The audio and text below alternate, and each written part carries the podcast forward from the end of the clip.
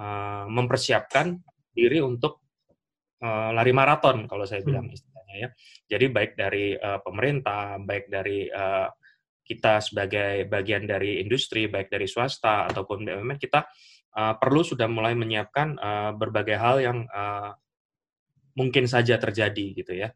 Nah, sehingga uh, be beberapa skenario memang pasti uh, disiapkan gitu ya. Ujung-ujungnya kalau kita memang uh, tidak beroperasi, maka apa yang akan jadi konsekuensinya dan kemudian um, kalau kita bicara tentang yang sedang beroperasi itu juga uh, kondisi kan kita juga tidak bisa prediksi gitu kan ya hmm. sampai di titik mana ini akan berakhir dan uh, skenario-skenario memang perlu dibuat sih dan bahkan mungkin kalau untuk beberapa uh, industri malah mungkin shifting gitu kan ya hmm. misalnya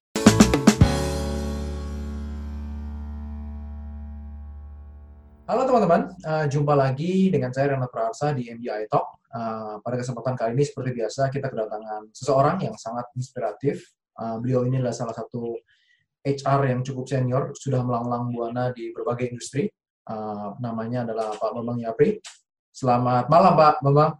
Malam. Malam Pak. Ini buat teman-teman, ini kita recordingnya malam-malam, jadi uh, setelah jam kantor gitu ya. Karena Pak Bambang ini cukup sibuk, jadi kita menyempatkan waktu di setelah jam kerja. Mungkin sedikit perkenalan uh, tentang Pak Bambang ini. Pak Bambang ini saat ini ada di Samura Group gitu ya, di PT Samura yang bergerak di industri sugar.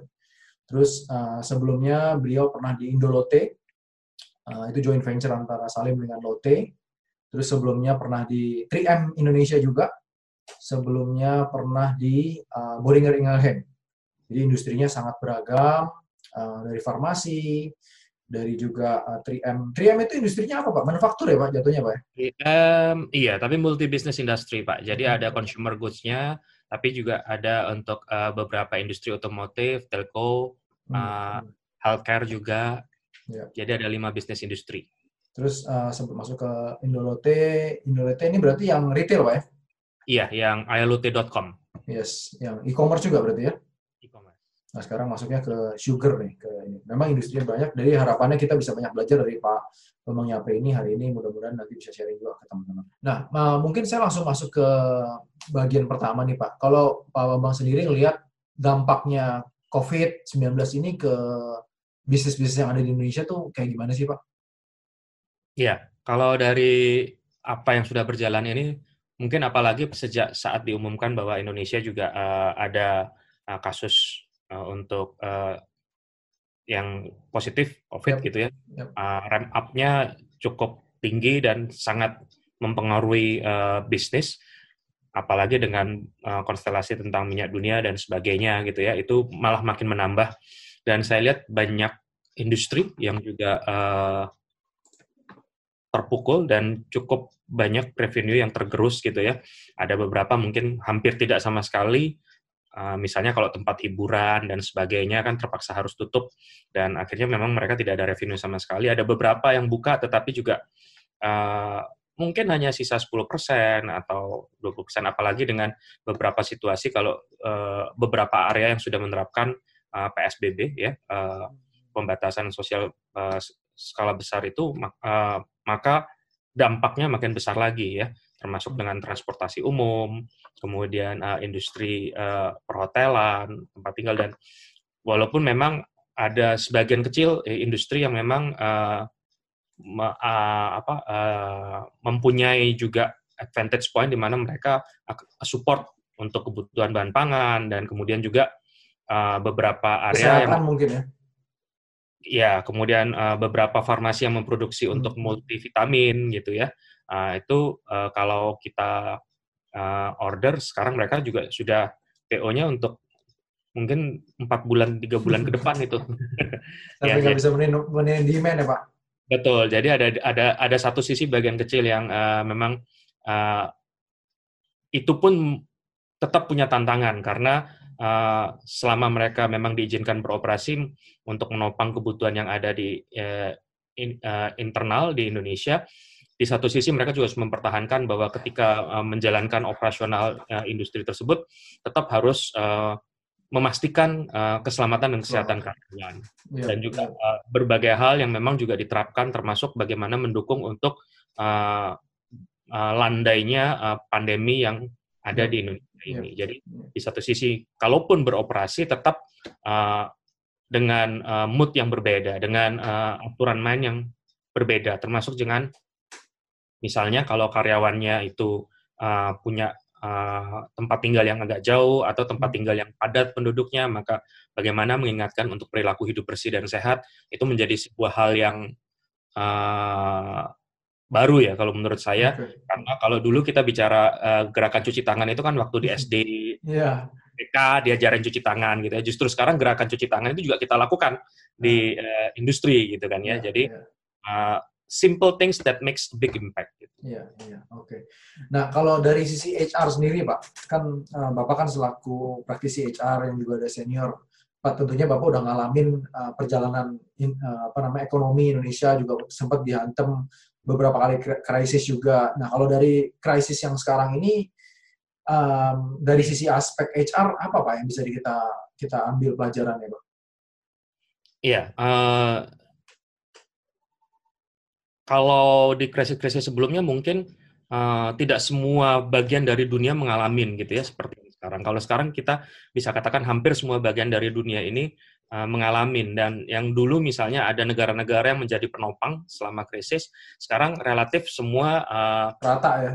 Rata gitu ya. Uh, sehingga konsekuensi dari situ adalah bagaimana kita bisa uh, uh, mempersiapkan diri untuk uh, lari maraton kalau saya bilang hmm. istilahnya ya. Jadi baik dari uh, pemerintah, baik dari uh, kita sebagai bagian dari industri, baik dari swasta ataupun BUMN, kita uh, perlu sudah mulai menyiapkan uh, berbagai hal yang uh, mungkin saja terjadi gitu ya. Nah, sehingga uh, be beberapa skenario memang pasti uh, disiapkan gitu ya. Ujung-ujungnya kalau kita memang uh, tidak beroperasi, maka apa yang akan jadi konsekuensinya dan kemudian um, kalau kita bicara tentang yang sedang beroperasi itu juga uh, kondisi kan kita juga tidak bisa prediksi gitu kan ya hmm. sampai di hmm. titik mana ini akan berakhir dan uh, skenario-skenario memang perlu dibuat sih dan bahkan mungkin kalau untuk beberapa uh, industri malah mungkin shifting gitu kan ya hmm. misalnya industri garment banyak sekali kan kalau uh, Masker, ya? lihat gitu ya sekarang kalau mereka mau memaksakan tetap uh, jual uh, apa yang menjadi produk unggulan mereka mungkin juga pasarnya sedang tidak ada gitu kan ya. Hmm. sehingga mereka harus buat produk shifting misalnya ke masker masker kain apalagi sejak beberapa area ataupun ada kewajiban dari WHO ataupun dari pemerintah untuk menggunakan masker kain otomatis kan permintaan naik. Nah kemudian misalnya yang biasa untuk buat uh, produk bahan-bahan kimia uh, mereka kemudian berubah shifting membuat hand sanitizer dan ya, sebagainya. uh, uh, jadi juga uh, masih ada beberapa industri yang bisa shifting product hmm. shifting, kemudian uh, melakukan uh, percepatan untuk adopt uh, itu untuk komersialisasinya. Dan dan dari ini semua di mana Pak peranannya seorang HR uh, dalam proses ini semua?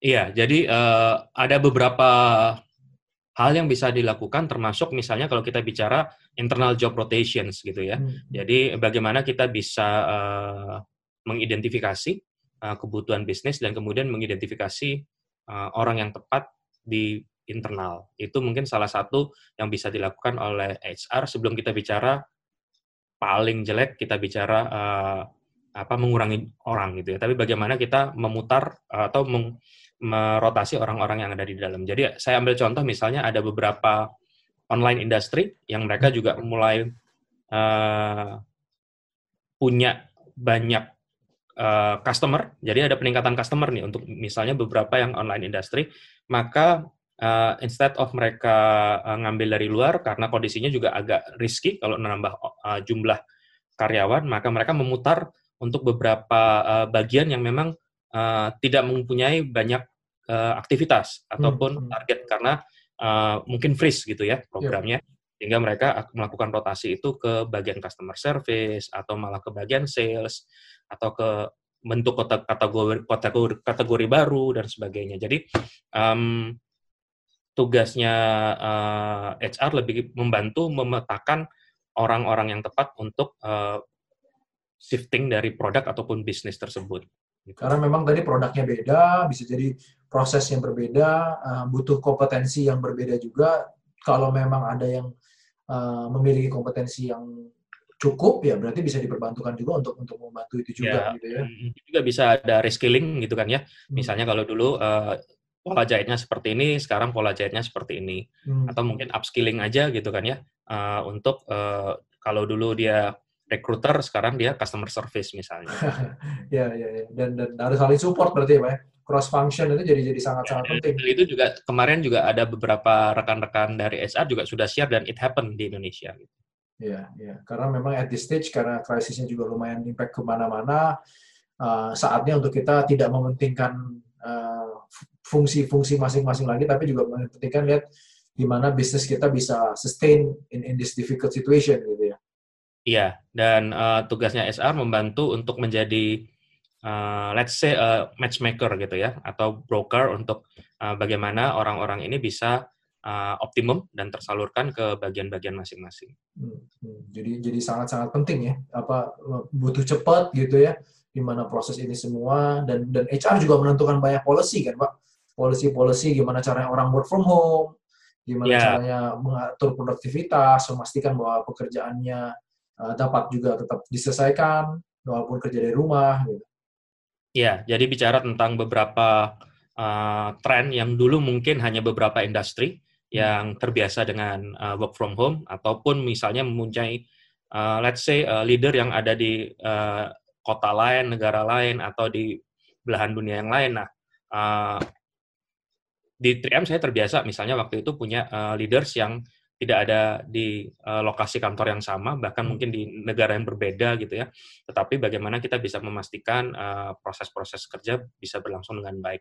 Nah, saat ini justru ini makin uh, luas lagi penerapannya. Jadi penerapan digitalisasi atau penerapan uh, work from home, kemudian bicara optimalisasi teknologi itu makin terdorong dengan kondisi seperti ini. Jadi kondisinya jadi uh, apa ya sense of urgency-nya jadi jauh lebih besar gitu ya dibanding hanya karena tuntutan dari customer atau uh, tuntutan dari organisasi tersebut. Jadi percepatannya, akselerasinya mungkin dulu kita udah ada gitu ya, tapi sekarang penerapannya jadi lebih cepat. Karena kepaksa gitu Pak ya, karena kondisi memaksa yeah. memaksa banyak industri dan banyak orang untuk bisa uh, digital transformasi dengan cepat. Betul. Jadi sama juga sebenarnya dengan nggak hanya di dunia industri sebenarnya kan uh, untuk proses belajar mengajar kan juga seperti itu ya. Hmm. Jadi orang tua uh, dari anak-anak mau nggak mau juga belajar gitu kan. Kalau dulunya uh, uh, katakanlah belum kenal dengan media-media uh, untuk bisa melakukan uh, pembelajaran jarak jauh yang sebenarnya kurang lebih sama seperti yang kita pakai di dunia industri gitu kan ya. Adanya LMS, kemudian uh, ada uh, fasilitasi untuk melakukan uh, webinar yep. dengan beberapa media yang ada. Nah, uh, sekarang orang sudah mulai fasih dan terbiasa bicara hal tersebut gitu kan ya. Iya, iya. iya.